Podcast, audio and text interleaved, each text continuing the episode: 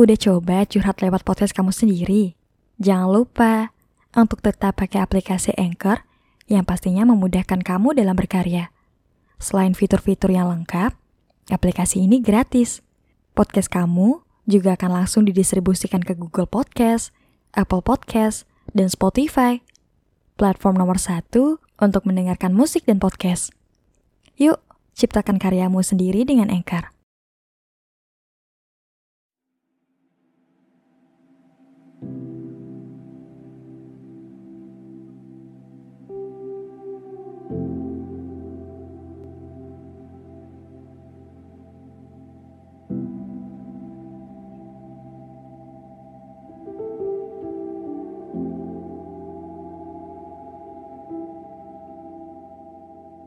Bolehkah aku merasakan perasaan ini kembali?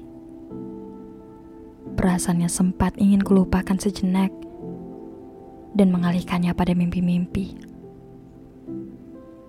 Bolehkah aku merasakan debaran itu kembali? Debaran yang paling menggelitik. Tapi sebenarnya sering berakhir membawa petaka. Bolehkah aku kembali menaruh secuil harapan? Harapan yang tidak pernah bisa diterka hasilnya. Harapan yang seringnya bisa terjadi jika semesta yang mengiyakan.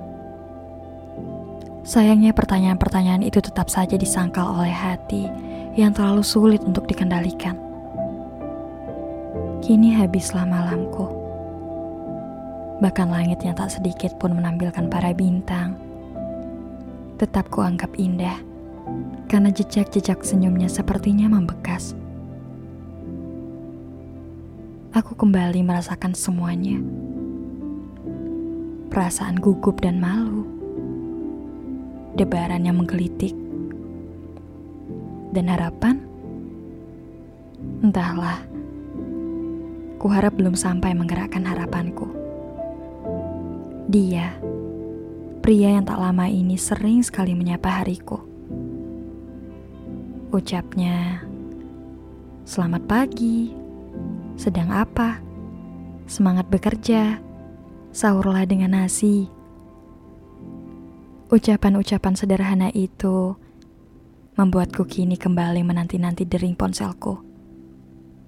Yang selama ini sudah kulupa kapan terakhir kali ada lengkungan senyum tiap membalas pesan seseorang.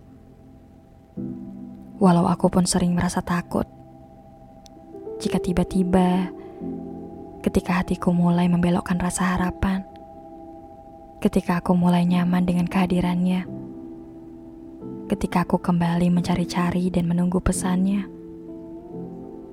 lalu dia hilang dan pergi. Persis seperti manusia terakhir yang pernah membuatku patah hati dalam jangka waktu yang cukup panjang. Akhirnya dengan sengaja, Aku bersikap acuh dan jarang membalas sapaannya. Aku sering mengabaikan pesan-pesannya agar tak lagi terjebak pada rasa yang ternyata fata morgana.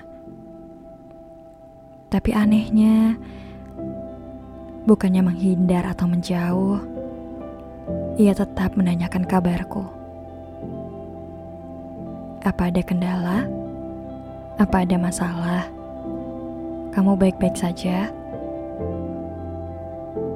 Tentu saja ini terlalu berbahaya. Bahaya untuk hati seorang wanita yang sudah lama menanti sosok yang mau memberikan perhatian dan kasih sayangnya.